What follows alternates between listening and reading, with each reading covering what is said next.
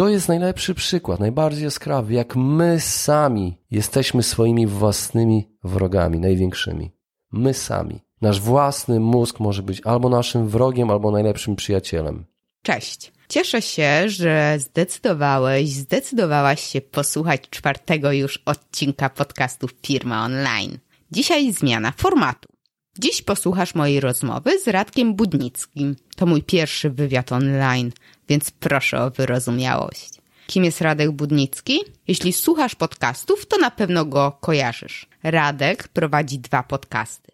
Lepiej teraz i po ludzku o pieniądzach. W obu mówi po ludzku, ponieważ w wielu kwestiach zgadzam się z Radkiem, do wielu rzeczy, o których mówi wciąż dążę, to poprosiłam go o krótką rozmowę.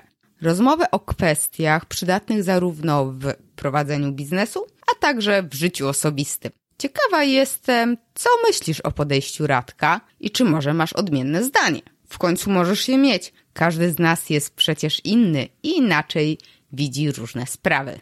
Zapraszam. Cześć, ja nazywam się Agata Chmielewska, a w tym podcaście dowiesz się, jak wykorzystać internet do rozwoju biznesu i samego siebie. Cześć Radku, jak Ci minął poranek? Wiesz co, u mnie poranek, cześć w ogóle, ale u mnie poranek minął bardzo produktywnie, ponieważ obudziłem się dzisiaj o czwartej.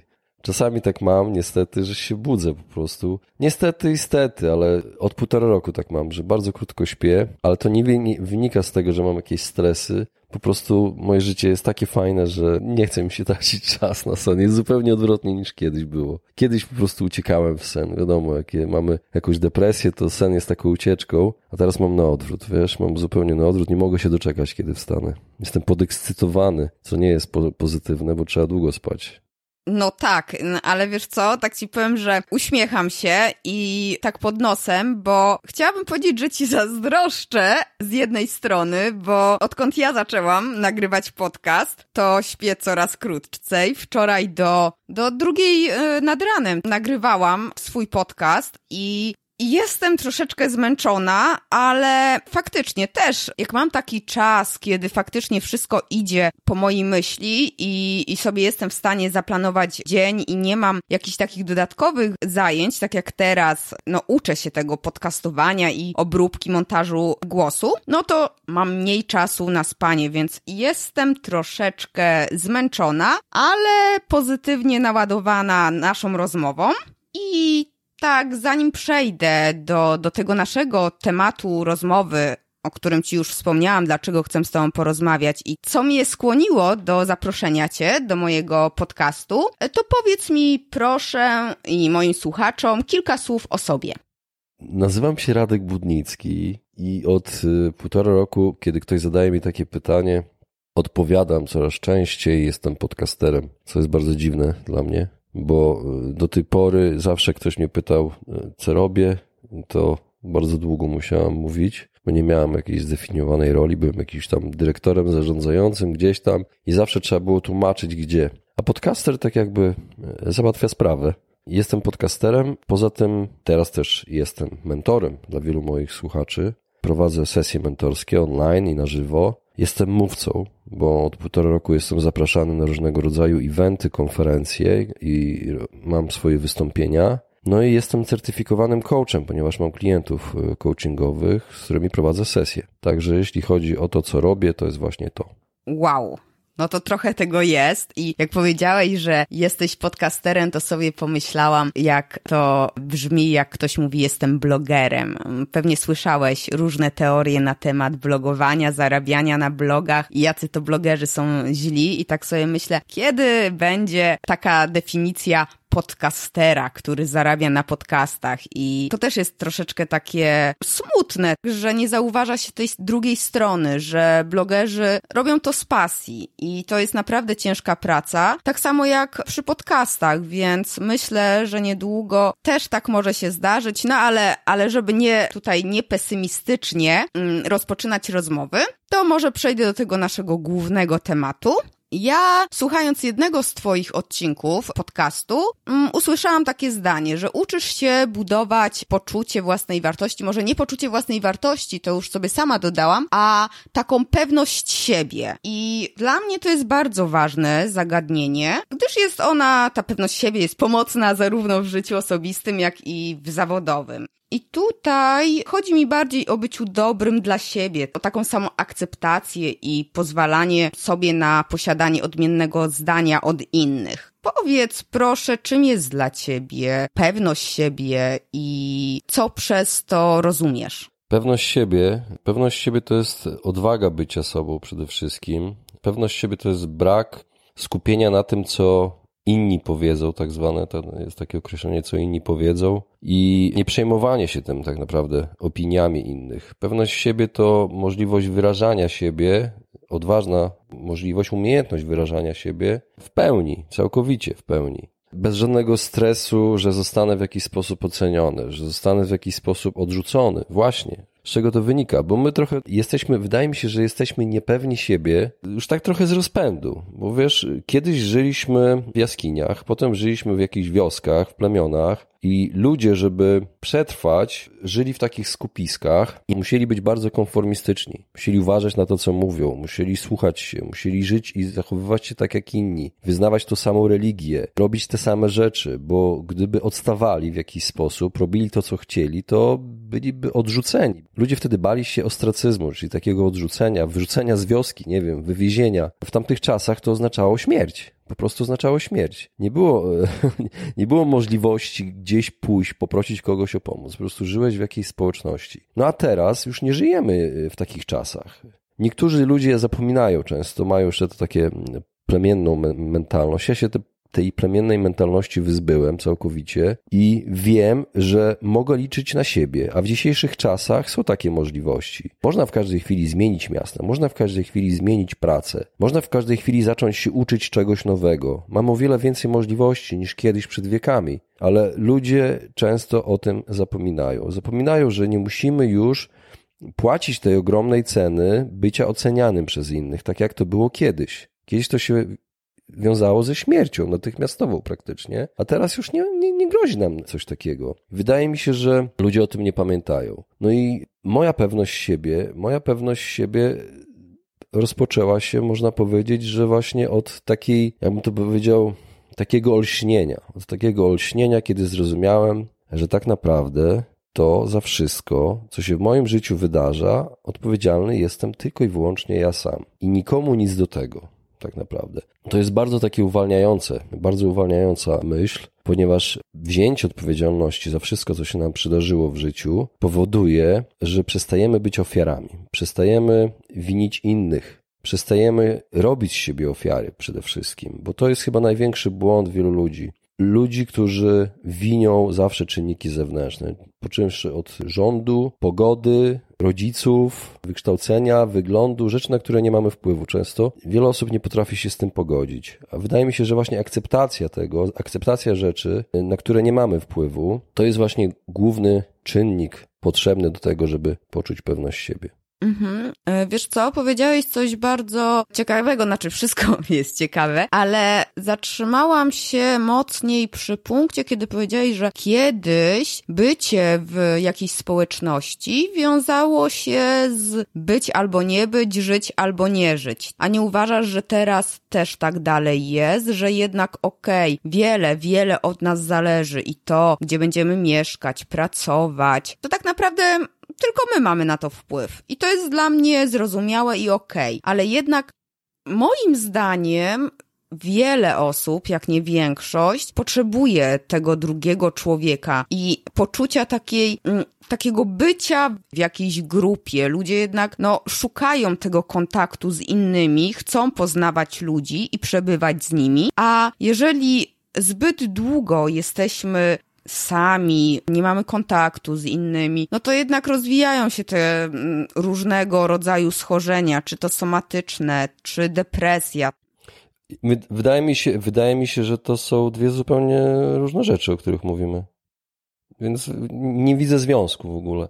Szczerze mówiąc. Powiedziałaś o, o, potrzebie bycia z ludźmi, a ja mówiłem o tym, żeby nie, nie bać się oceny ludzi, bo kiedyś bycie, wyjście albo odrzucenie wiązało się właśnie ze śmiercią natychmiastową. Mi chodzi o to, żeby się nie przejmować tym, co inni powiedzą, ale nie, nie chodzi mi o to, żeby przestać z ludźmi przebywać. Chodzi mi o to, żeby mieć do siebie szacunek. Chodzi o to, żeby przede wszystkim słuchać siebie. Mhm. Przede wszystkim słuchać siebie. Opinie ludzi tak, ale wydaje mi się, że ludzie zawsze, jak to ktoś kiedyś powiedział, że yy, opinia jest jak yy, coś tam, prawda? I każdy ma swoją, prawda? Więc yy, często, często staramy się zadowolić innych, i robimy rzeczy wbrew sobie. Tak jest, prawda? Mhm. Potem wiele osób jest w życiu nieszczęśliwych. Ja miałem bardzo różnych klientów coachingowych i najczęściej problemami były takie rzeczy, że robili coś tylko dlatego, żeby zadowolić y, czy to żonę, czy to matkę, czy to kogoś tam jeszcze e, w rodzinie. Bo jedna klientka Miała matkę, która mówiła, ale dlaczego ty rzucasz tą pracę? Uczyłaś się tyle, żeby być prawnikiem. Ona nienawidziła tej pracy swojej. Nienawidziła. Ale matka jej całe życie mówiła, że to trzeba być albo lekarzem, albo prawnikiem. I, i ona poszła na to prawo, którego nie lubiła i, i była tym prawnikiem. I to wszystko wyszło w czasie sesji. Ja miałem klienta, który zaczął vlogować i żona chciała go z domu wyrzucić. I to wyszło w czasie sesji. To jest coś takiego, że ludzie często będą nieszczęśliwi tylko po to, żeby zadowolić innych, a zapominają o sobie. Ale przez to, że będą sami nieszczęśliwi, z czasem zaczną unieszczęśliwiać te osoby, które chcieli uszczęśliwić. I wydaje mi się, że trzeba mieć przede wszystkim szacunek do siebie samego, Trzeba pamiętać o tym, jaki ma się ten wewnętrzny dialog, monolog ja bym to bardziej nazwał, monolog, czyli te słowa, które do siebie wypowiadamy często. To, co mówimy o sobie, a jestem głupi, ale jestem beznadziejny. Czasami ludzie tak mają, nie wiedzą, nie kontrolują tego. Wydaje mi się, że to jest takie nie, nieważne. To, to jest tak nawykowo nam weszło ten, ten język, którego używamy. Nie zapominamy o tym, że to wchodzi w naszą podświadomość. Ten język, ten nasz wewnętrzny monolog, który mówimy o sobie, samych. To ma wpływ na to, czy czujemy się pewnie, jak czujemy się ze sobą, jakie mamy poczucie własnej wartości. To jest podstawa. Ja na przykład wyszedłem z założenia, i to, to jest dość radykalne podejście. Dostałem taki list od y, mojego słuchacza, który żalił się, że nikt w jego miejscowości go nie wspiera, że w ogóle ludzie o nim nie myślą. A ja powiedziałem mu tak, ale człowieku, ja wychodzę z założenia, że nikt się nie interesuje moim życiem ponieważ każdy ma swoje problemy. A on mówi, ale to jest przygnębiające. Nie, wręcz przeciwnie, to jest świetne, to jest uwalniające, bo tak naprawdę powoduje, że możesz robić co chcesz, bo ludzie tak naprawdę cię ocenią na chwilę, ale za chwilę wrócą do swoich spraw. Nawet jeżeli ty zrobisz jakiś wpis na blogu bardzo osobisty, ktoś zobaczy, pośmieje się, ale ona się obnażyła, ale coś tam. wiesz co? Po sekundzie o tobie zapomną, przewiną i dalej będą oglądać kogoś innego. Albo włączą serial, albo pójdą do roboty, do której muszą iść. I ta myśl jest uwalniająca dla mnie. To, że ludzie się tak naprawdę nie interesują nami. Każdy interesuje się sobą i jakkolwiek to brzmi, mi bardzo pomaga ta myśl. Bardzo mi pomaga. No dobrze, ale powiedz mi, jak się zabrać do takiego czegoś. Jeżeli rozpoznamy, jeżeli czujemy, że, że nie jesteśmy pewni siebie, jesteśmy tacy nieśmiali, wycofani, to od czego rozpocząć to, to budowanie pewności siebie? Jak ty to zacząłeś robić?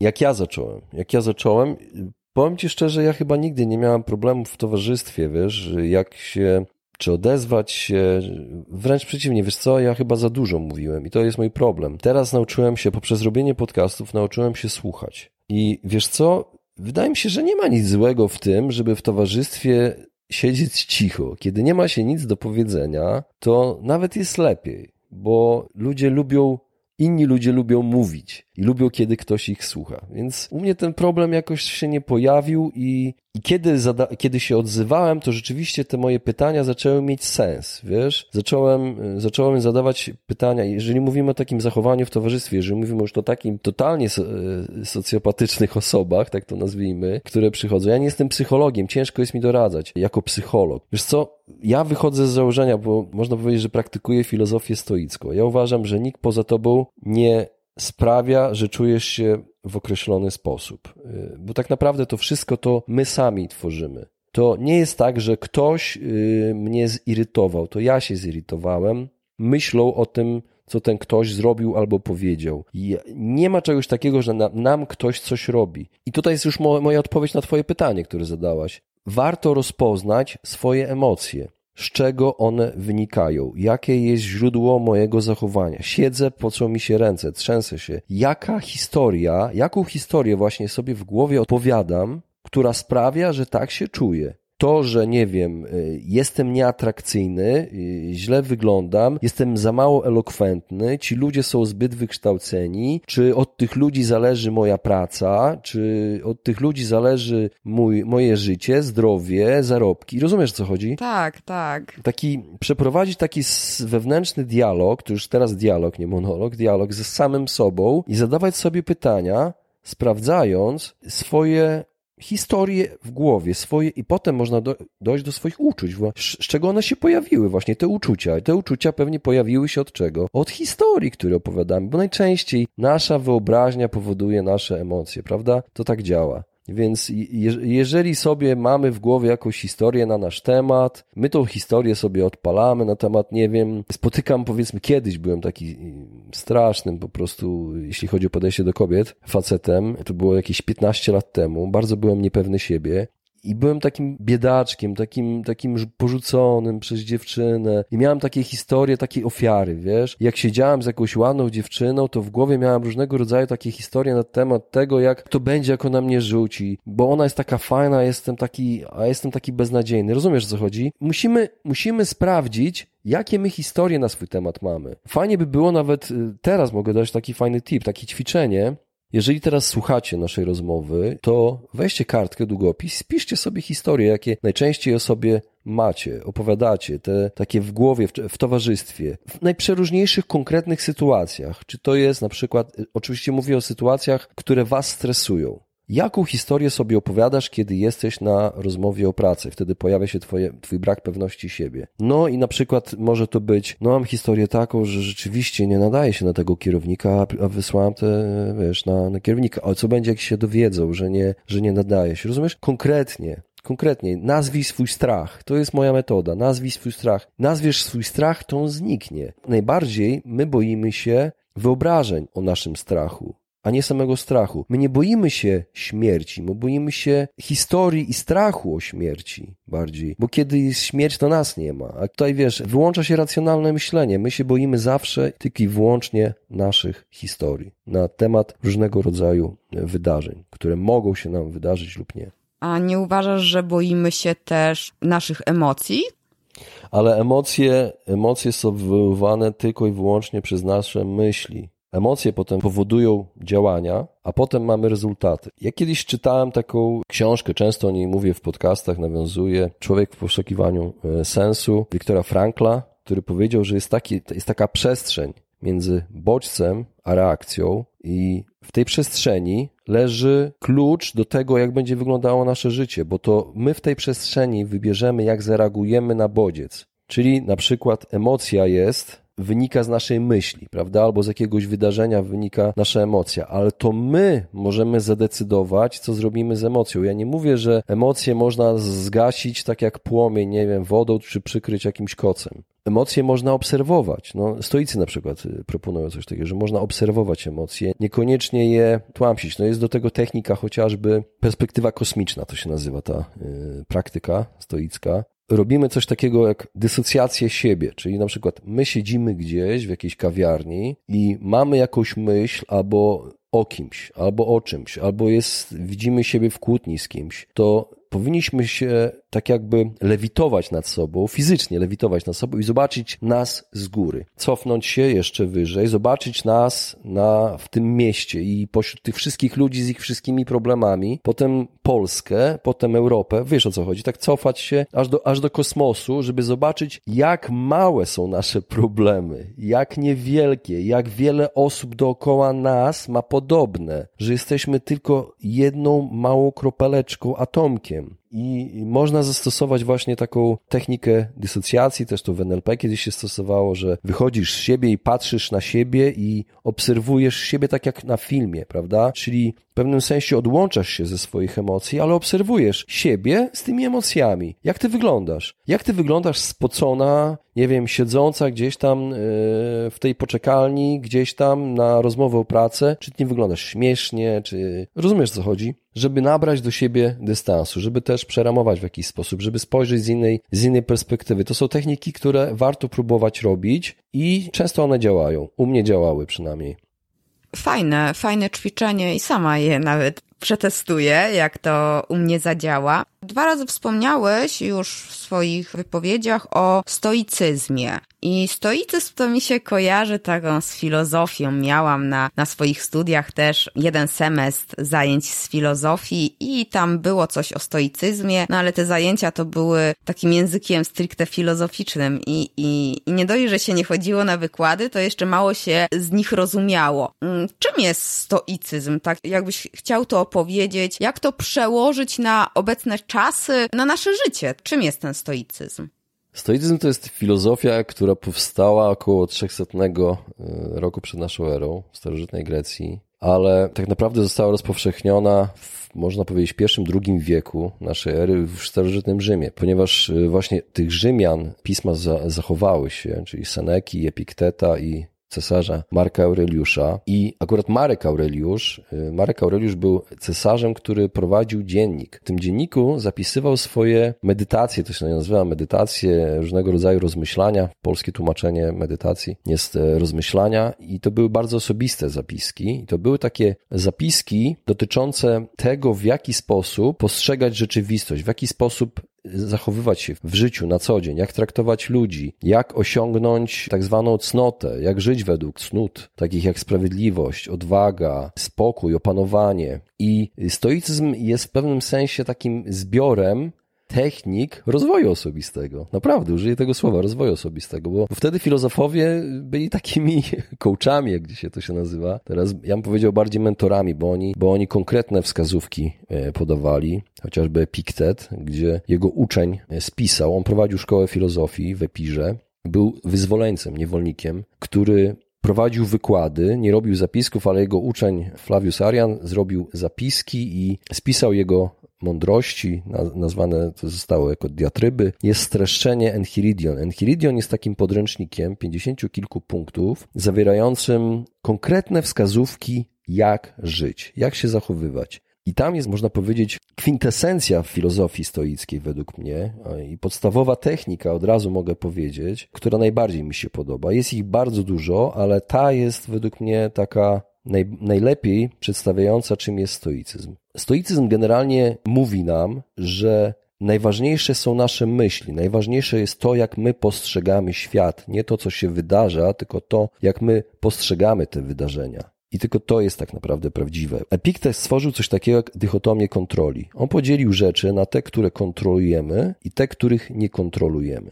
I powinniśmy się w życiu skupić na rzeczach, które kontrolujemy, a wyrzec się rzeczy, których nie kontrolujemy. Nie kontrolujemy rzeczy takich jak sława, opinie innych ludzi, uczucia innych ludzi, śmierć, e, życie, nasze zdrowie chociażby. Tutaj stoicy byli bardzo radykalni, bo, ponieważ my możemy powiedzieć, ale jak to zdrowie, przecież możemy lepiej jeść. No tak, ale oni uważali, że jeżeli czegoś nie kontrolujemy nawet w jednym procencie, to w ogóle nie kontrolujemy.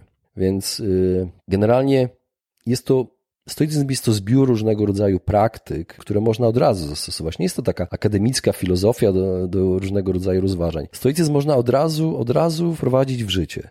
Jest bardzo dużo technik. Nie wiem, mogę wymienić kilka, jeżeli chcesz. Poproszę, tak. Mm, na przykład negatywna wizualizacja, oni to nazywali premedytacją malorum, polegała na tym, że wyobrażamy sobie negatywny scenariusz danego wydarzenia. Na przykład, jeżeli robimy jakiś projekt biznesowy, to warto zrobić taką technikę, gdzie wyobrażamy sobie, co najgorzej może pójść, co się nie uda. Robi się to tylko i wyłącznie po to, żeby być przygotowanym na to najgorsze, żeby nie być zaskoczonym przez to, że kiedy się wydarzy to najgorsze i po to, żeby zmniejszyć ten strach i stres przed niewiadomą, bo już będziemy wiedzieli, że najgorsze się stało to, co przewidzieliśmy. I, i, i to jest właśnie taka jedna z technik, bardzo nam pomaga też premedytacja malorum przy wdzięczności. Prosty sposób. To są bardzo brutalne przykłady, ale oni proponują na przykład, żeby sobie wyobrazić śmierć bliskiej osoby. I robią to tylko dlatego, po to, żebyśmy w momencie, kiedy się wkurzymy na przykład na bliską osobę, wyobrazili sobie, co by było, gdyby taka osoba odeszła od nas dzisiaj, natychmiast zaczniemy doceniać to, że jesteśmy z nią. Zaczniemy doceniać każdą chwilę z tą osobą.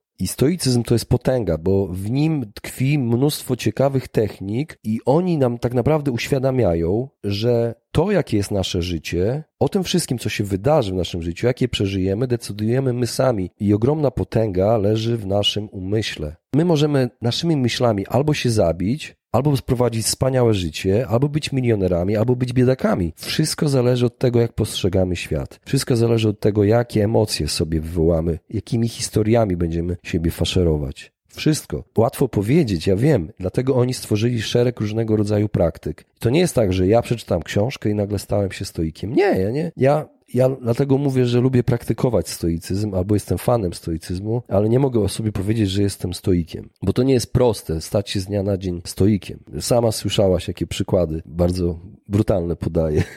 Ciężko jest na przykład przejść od razu do takiej techniki, którą oni nazywają amorfati. Właściwie to jest określenie, które stworzył Nietzsche, ale to chodzi o uwielbienie losu, czyli pogodzenie się z losem, tak naprawdę. Pogodzenie się z losem. Oni używali takiej metafory łucznika, Czyli na przykład jest łucznik, który jest super wysportowany, umieśniony, dużo ćwiczył i celuje do celu, do tarczy, gdzie jest dziesiątka i on chce trafić tą tarczę.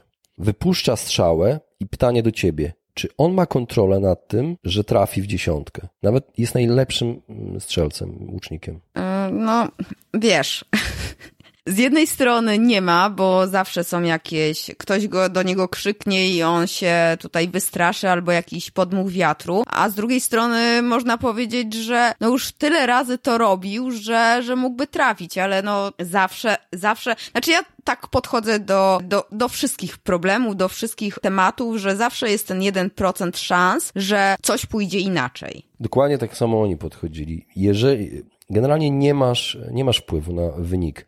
I to jest rada dla sportowców, którzy marzą na przykład o złotym medalu. Konkretna rada. Mhm. Ta technika nie mówi, żeby nie, e, że nie masz szans, bo nie masz kontroli nad tym, że złotych medal. Właśnie oni mówią, że nie masz. Nie masz, bo jest podmuch wiatru, tak powiedziałeś, zakrzywienie ziemi. Drewno e, z tego łuku może być też jakieś e, zjechane tam, cokolwiek może się wydarzyć po drodze. Najważniejsze jest to, że nie masz wpływu na wynik, ale masz wpływ na to, jak ty przyłożysz się do tego strzału, jak się przygotujesz. Czyli na przykład jesteś graczem w piłkę, to skup się na tej akcji teraz, w tej sekundzie, żeby wykiwać tego przeciwnika z tą piłką, a nie myśl o pucharze, który otrzymasz. Tego uczą właśnie stoicy, żeby działać jak najefektywniej w danych momencie, tym momencie. I tutaj się kłania właśnie u nich ta uważność i bycie tu i teraz, czyli nie uprawianie tak zwanego time travel, ja to nazywam często, czyli takiego podróżowania w przyszłość i myślenia o przeszłości.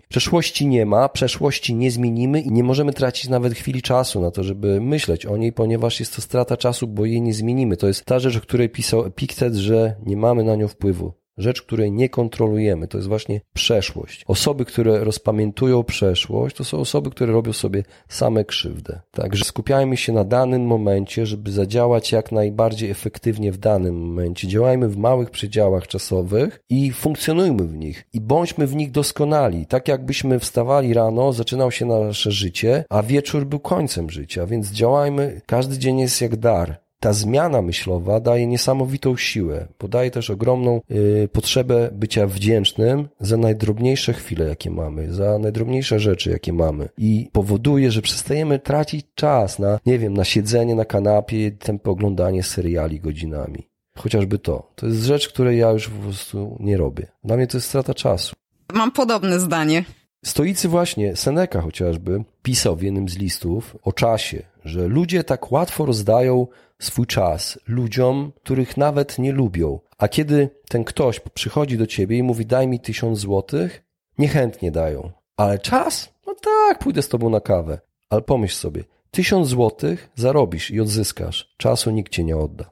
Tak, tak to właśnie tłumaczył Seneca, że ludzie powinni zacząć cenić swój czas, jaki mają na ziemi. I zastanowić się, na co, na co go trwonią. Stoicyzm to jest kopalnia, y, kopalnia rozwoju osobistego. Naprawdę polecam wszystkim osobom, które jeszcze nie wiedzą, żeby się zainteresowały przynajmniej. No powiem ci, że teraz mam kilka pytań na raz do ciebie i nie wiem od którego zacząć, ale może zacznę od tego i to jest całkiem szczere, że tym bardziej dziękuję, że, że zgodziłeś się porozmawiać ze mną, no i miałeś czas na kawę. Ja uważam tak samo. Czas to jest coś naprawdę niesamowitego i tak samo jak ty. Nie oglądam seriali, w tym czasie wolę poczytać książkę, bo mam poczucie, że mnie bardziej rozwija. I to jest właśnie fajne. Tutaj się jak najbardziej zgadzam z podejściem stoików, ale powiedziałeś też coś takiego, że nie myśleć o przeszłości. Wiesz co? I tutaj mam troszeczkę takie ambiwalentne uczucia, wiesz, bo okej, okay, nie myśleć o przeszłości, nie, nie myśleć o tym, że się powiedziało coś przykrego, albo pokłóciło się z kimś, ta osoba załóżmy zginęła w wypadku, albo umarła i nie mieliśmy szansy już się z nią pogodzić lub jej przeprosić, ale jednak czasem warto pamiętać o tych błędach, które popełniliśmy, żeby ich e, nie popełnić znowu, czyli tak zwane uczenie się na błędach. Nie masz takiego wrażenia, że jednak nie możemy się odcinać tak zupełnie od przeszłości i żyć tu i teraz? Powiem tak, co innego jest pamiętać i uczyć się na błędach, bo to jest krótka refleks, okej, okay, tak już nie robię i uczę się, a co innego jest całkowite ciągłe rozpamiętywanie tej przeszłości. To są dwie różne rzeczy według mnie. Według stoików przeciwności, nawet taką książkę napisał Ryan Holiday, taki współczesny stoik, Obstacle is the way, czyli przeciwności to jest droga. Jeżeli cokolwiek złego w naszym życiu się przydarzyło, jakiekolwiek przeciwności losu były na naszej drodze, to to jest właśnie ta droga. To jest właśnie, to jest życie. Na tym to polega, na tym polega życie. Żeby pokonywać przeciwności. Ja sobie nie wyobrażam życia człowieka, który by urósł na tym, żeby miał wszystko łatwo. Wszystko by było mu dane od początku, żeby był e, zawsze zdrowy, wszyscy, żeby mu mówili całe życie tak. Taki człowiek by nie urósł. My rośniemy tylko i wyłącznie dzięki przeciwnościom, dzięki porażkom, dzięki temu, że padamy, dzięki różnego rodzaju e, fakapom. Uczymy się. Uczymy się i rośniemy, tak naprawdę. To niszczony mięsień na siłowni rośnie. Niszczony, zrywany, taki. Mikrouszkodzenia powodują wzrost mięśnia. Na tym właśnie polega życie według stoików. Na, na tym, że te przeciwności losu, to co nam nie wyszło w życiu, to jest właśnie ta droga i i na tym to polega. I nie powinniśmy się na to obrażać, powinniśmy się cieszyć, że mamy takie życie, które daje nam tyle kłód pod nogi, że dzięki temu stajemy się jeszcze silniejsi. Znowu nawiążę do niczego. To, co mnie nie zabije, to, to mnie wzmocni, tak? To, to też jest jego zdanie. A jeśli chodzi o to y, podróżowanie w przyszłości, to chodzi o to, żeby nie myśleć bez przerwy o tym, nie bić, bo są tacy ludzie, tacy samobiczownicy, ja to nazywam. Całe życie coś tam będą przeżywali, jakiś nieudany związek, jakieś coś tam. I co oni z tego będą mieli? Nawet przez sekundę, jeżeli pomyślą o tym, to jest dla nich strata czasu. Strata czasu. Zamyka się rozdział, nie mamy na to wpływu, co było, zamykamy, do widzenia, nowy rozdział, cześć.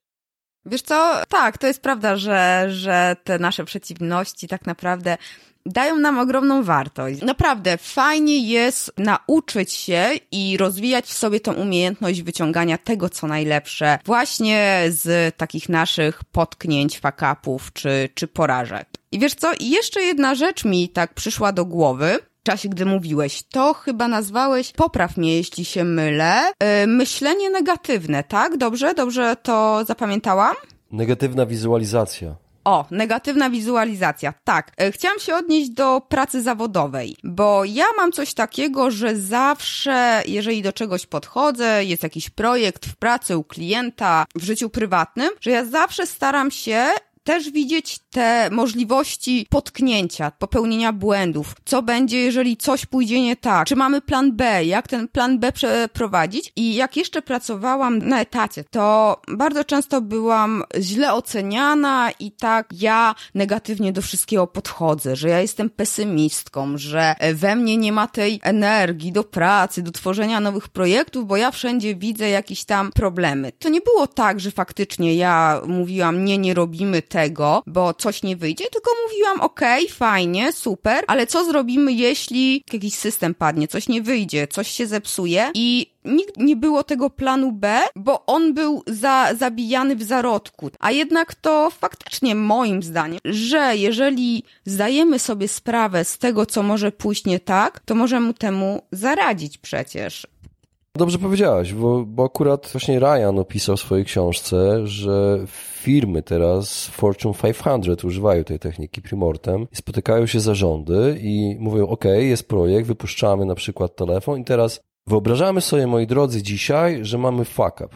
Co robimy? Pierwszy dzień sprzedaż spada. Co robimy? I tak się właśnie teraz robi. Tak się stosuje techniki stoickie w firmach. Okej, okay, no chciałabym, żeby to było bardziej popularne w polskich firmach. Znaczy nie wiem jak jest w, za granicą, tak też nie chcę mówić, że Polska jest zła, ale wracając do naszego głównego tematu, powiedz mi jeszcze, bo też często poruszasz coś takiego w swoich podcastach, taki temat, który też mnie bardzo zaintrygował i określiłeś się w którymś z ostatnich odcinków, że dążysz do kreatywnego minimalizmu. Minimalizm jest teraz tak naprawdę na topie, nie? Wyzbywamy się rzeczy i dążymy do minimalizmu minimalizmu. A co to jest kreatywny minimalizm? Kreatywny minimalizm to jest e, zmiana myślenia konsumpcyjnego na kreatywne. To jest rozpoznawanie takie ciągu dnia, jak mamy dzień, prawda? Mm -hmm, I zastanawiamy tak. się, co dzisiaj będziemy robili i zastanawiamy się, które rzeczy, które dzisiaj zrobię, będą kreatywne, czyli spowodują jakiś efekt, a które będą taką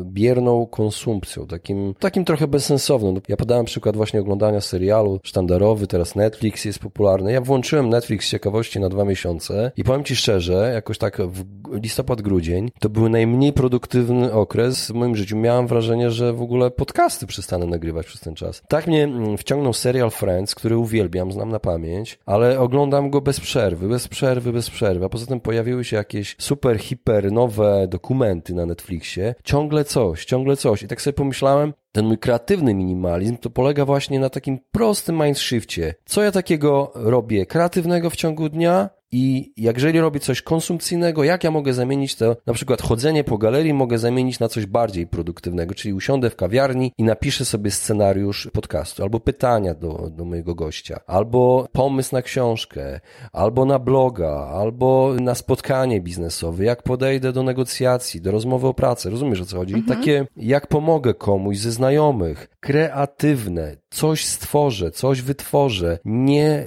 biernie przyjmę, nie, nie zjem, nie stracę czasu na gapieniu się, na gapieniu się w wystawy y, w galeriach handlowych. Ile osób po pracy nie wie, co ze sobą zrobić, albo po prostu ma tyle problemów, że po prostu idzie, żeby poudawać, że jest zajęta. Jestem zajęta, bo muszę znaleźć skarpetki dzisiaj dla męża. I, I nagle z tego robi się zadanie, Zastanów się kiedyś w swojej przyszłości, ile razy tak wymyślałaś sobie zadania i udawałaś, że na przykład masz coś ważnego do zrobienia, a tak naprawdę ludzie robią różnego rodzaju rzeczy tylko po to, żeby zapomnieć o prawdziwym życiu, o swoich problemach, o życiu tu i teraz. I, i wchodzą różnego rodzaju historie, różnego rodzaju bezsensowne zajęcia i, i pacyfikują się w jakiś tam sposób. Właśnie takim gapieniem się w jakieś wystawy, w kupowanie jakichś przedmiotów, wydawanie pieniędzy. A to powoduje jeszcze większe problemy, bo potem zarabiamy coraz więcej, a wydajemy coraz więcej, mamy coraz mniejsze oszczędności.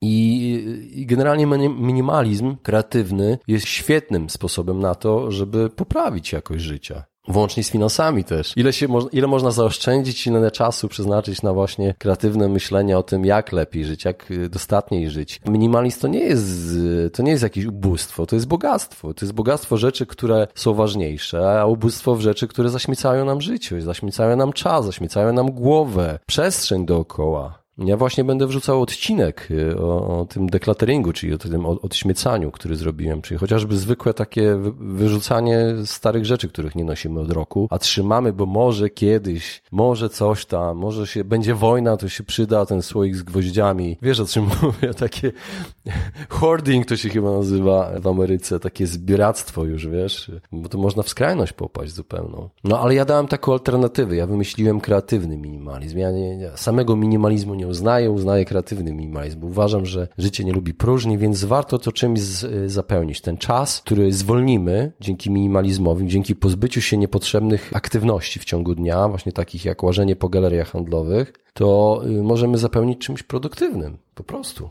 A czym? Tu już każdy sam na siebie może znaleźć. Powiem ci, że ludzie też nie korzystają z tego, co mają teraz, jakie mają możliwości, bo właśnie tracą czas na chodzenie po centrach handlowych, po galeriach, stoją w kolejkach, tłoku, przeciskają się przez tych ludzi, y, przymierzają ciuchy, których i tak wiedzą, że nie kupią. A ja ci powiem, że ja już w sumie nie pamiętam, kiedy byłam w galerii handlowej, a robię zakupy głównie przez internet i naprawdę cenię sobie to, nawet jak mam zapłacić za dostawę, to ja sobie to przeliczam na czas, który poświęcę, żeby tam dojechać, chodzić, szukać, a jeszcze nie wiadomo, czy dostanę to, co chcę. Ale z jednej strony wspomniałeś o tym, żeby kreatywnie wykorzystywać ten czas, który mamy. Później też powiedziałeś coś takiego, że y, pozbywanie się rzeczy, których nie używamy i to jest fajne, bo czuję się przytłoczona wielą ilością rzeczy w swoim mieszkaniu, ale czy to się jakoś wiąże też z oszczędzaniem pieniędzy, odkładaniem? Bo ja mam z tym taki problem, że czasem sobie siadam i, i mówię, czy ja potrzebuję mieć lepszy telefon, a z drugiej strony tak sobie myślę, ej, ale ty jesteś gadżeciara, tak? Ty nie masz potrzeby podróżowania, ale lubisz yy, zabawki, jak ja to nazywam. I w tym momencie, czy ja powinnam zrezygnować, znaczy, to też nie jest pytanie, żebyś ty mi odpowiadał, tak? Ale w tym nurcie kreatywnego minimalizmu, czy faktycznie zrezygnować z tej nowej zabawki, czy może faktycznie pozwolić sobie na to, bo, bo kiedy, jak nie teraz, tak? Lepiej teraz. Ale złośliwie przekręciłaś. nie. Powiem Ci tak, wszystko jest dla ludzi. Jeżeli czujesz, że za miesiąc ta zabawka będzie dla Ciebie stanowiła taką samą wartość, jak w tym momencie, to nie ma problemu. Ja nie chcę generalnie ludziom narzucać, wiesz, stylu. Ja mówię jak ja. Ja generalnie teraz Kiedyś tak reagowałem, kiedy coś wywoływało moją emocję i od razu kupowałem. To były takie instynktowne zakupy, wszyscy to znamy. I, i sprzedawcy też wiedzą, jak nam takie zakupy wciskać, prawda? Umieszczają różnego rodzaju takie impulsowe rzeczy przy kasach, kiedy czekamy na swoją kolej. No i ja po prostu już rozpoznaję tego typu cravings, to się nazywa po angielsku. Ja rozpoznaję te moje zachcianki i od razu je kwestionuję, wiesz, kwestionuję. A jeżeli ktoś, ja nie chcę, żeby ktoś teraz mówił, a kim ty jesteś, żeby mi mówić, że mam sobie nie pozwolić, co mam tylko być mnichem? Nie bądź mnichem, sobie kupuj, tylko bierz za to odpowiedzialność. Nie płacz potem, że masz coraz mniej pieniędzy na koncie. Taka jedna zabawka, z takich zabawek się zrobi 10 w ciągu miesiąca i potem robi się problem. Rozumiesz, o co chodzi? Żeby do wszystkiego podchodzić z wyobraźnią, żeby właśnie użyć tej wyobraźni do tego, żeby wyobrazić siebie za miesiąc tym telefonem. Czy ja z tym telewizorem, czy po prostu przez chwilę będę przez jeden dzień się jarał, grał w tą grę, a potem ten PlayStation będzie stało i zbierało kurz na przykład. Albo czy ten samochód, który kupię lepszy i większy, sprawi, że ja będę rzeczywiście się lepiej czuć, czy to zmieni moje życie, czy mam tak gonić za tym, jak ludzie mają mnie postrzegać, za tym swoim wymarzonym wizerunkiem. Ja słyszałem, że w Polsce wiele osób wydaje większość swoich oszczędności na bardzo drogi samochód. A na zachodzie na przykład ludzie się tak bardzo nie obnoszą z tym swoim bogactwem. Nie wiem, na przykład bardzo podoba mi się ta filozofia Lagom, szwedzka filozofia Lagom, gdzie właśnie jest takie wyważone podejście do pokazywania tego, że się ma. W ogóle się nie pokazuje takich rzeczy. W Sztokholmie y, można spotkać w komunikacji miejskiej milionera obok osoby, która akurat sprząta ulicę i nie odróżni się po ubraniu tej osoby, bo nie jest dobrym smaku obnoszenie się z bogactwem, zwanie złotego zegarka, ale to, to jest moje zdanie. I generalnie zacznijmy szukać poczucia wartości w sobie samych, nie w przedmiotach zewnętrznych, nie w rzeczach, nie w tym, jak ludzie na nas patrzą, co mówią. Ja w ogóle wyznaję zasadę takiego bycia takim, ja to nazywam, niezniszczalnym. Trochę takim, chcę być taką osobą zupełnie bulletproof, odporną na różnego rodzaju czynniki zewnętrzne, słowa ludzi, nawet dobre i złe. Staram się to wszystko filtrować, wiesz, dzielić na pięć i mieć taki zdrowy dystans do tego, co przychodzi do mnie w postaci opinii. I tych dobrych, i tych złych. Moje zdanie o mnie jest chyba ważniejsze. No, tak powinno moim zdaniem też właśnie być, że najważniejsze jest to, jak my o sobie myślimy. I tak jak powiedziałeś, ten cały minimalizm to powinien po prostu być chyba dostosowany do nas, bo jeżeli ja chcę ten telefon i faktycznie on mi sprawi jakąś radość, a rezygnuję z innych rzeczy, które no po prostu nie są mi potrzebne, to okej, okay, pozwalam sobie na niego z, z tym założeniem, że ja pozbędę się czegoś, co mi w jakiś sposób osób też pomoże sfinansować ten telefon. U mnie nie ma czegoś takiego, że ja biorę coś na, dobra, mieszkanie wzięłam na kredyt, ale z takich mniejszych rzeczy, ja sobie kupię nowy komputer albo nowy aparat, jeżeli będę miała na to pieniądze i faktycznie będę tego potrzebowała. To właśnie jest chyba problem dzisiejszych czasów, że my chcemy mieć wszystko jak najlepsze, chcemy mieć nie wiadomo jak wypasione komputery, które za chwilę zalejemy kawą i będziemy musieli wywalić. Więc taki minimalizm to jak najbardziej mi pasuje. Bardziej wiesz co,